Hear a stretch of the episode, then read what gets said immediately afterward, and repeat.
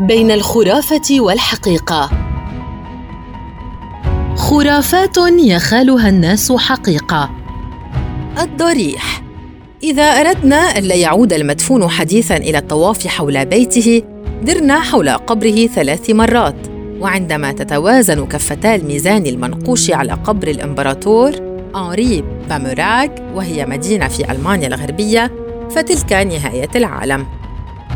العصفور الطنان. إذا أقبل ينقر فطورا تتناوله فتاة فهي ستتزوج خلال السنة الجارية. وإذا حدث ذلك لعروس شابة وضعت طفلا خلال السنة.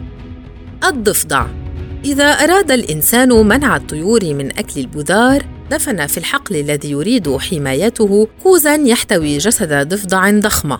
وقطعة رق كتبته عليها بدم غراب كلمة أشيرش. وترك الكوز على هذه الحال إلى أن تنمو البذور ثم حمله بعيداً من الحقل. ومن شاء التقاط كثيرا من حيوات السرطان كان عليه أن يلقي في المساء بضع ضفادع ميتة في المكان الذي سيصيد فيه.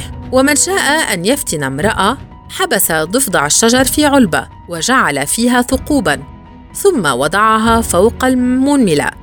وعندما لا يبقى من هذه الضفدع إلا هيكلها العظمي يجعل عظامها مسحوقا دقيقا ينثره على ثياب المرأة. طائرة. إن قادة الطائرات ليسوا من المتطيرين وإن كانت لهم تمائمهم فذلك رغبة منهم ألا يصيب المسافرين معهم أي أمر مزعج. الطاقية. من اعتمر طاقية جاعلا مقدمتها إلى الخلف فإذا كانت لديه دعوى قضائية خسرها وإذا كان سيقبل على دعوى قضائية فهو سيخسرها حتما. ومن لمس بسبابة يده اليسرى الشراب الحمراء لطاقيه أحد البحاره ثم قبل ذلك البحار كان ذلك فالا له.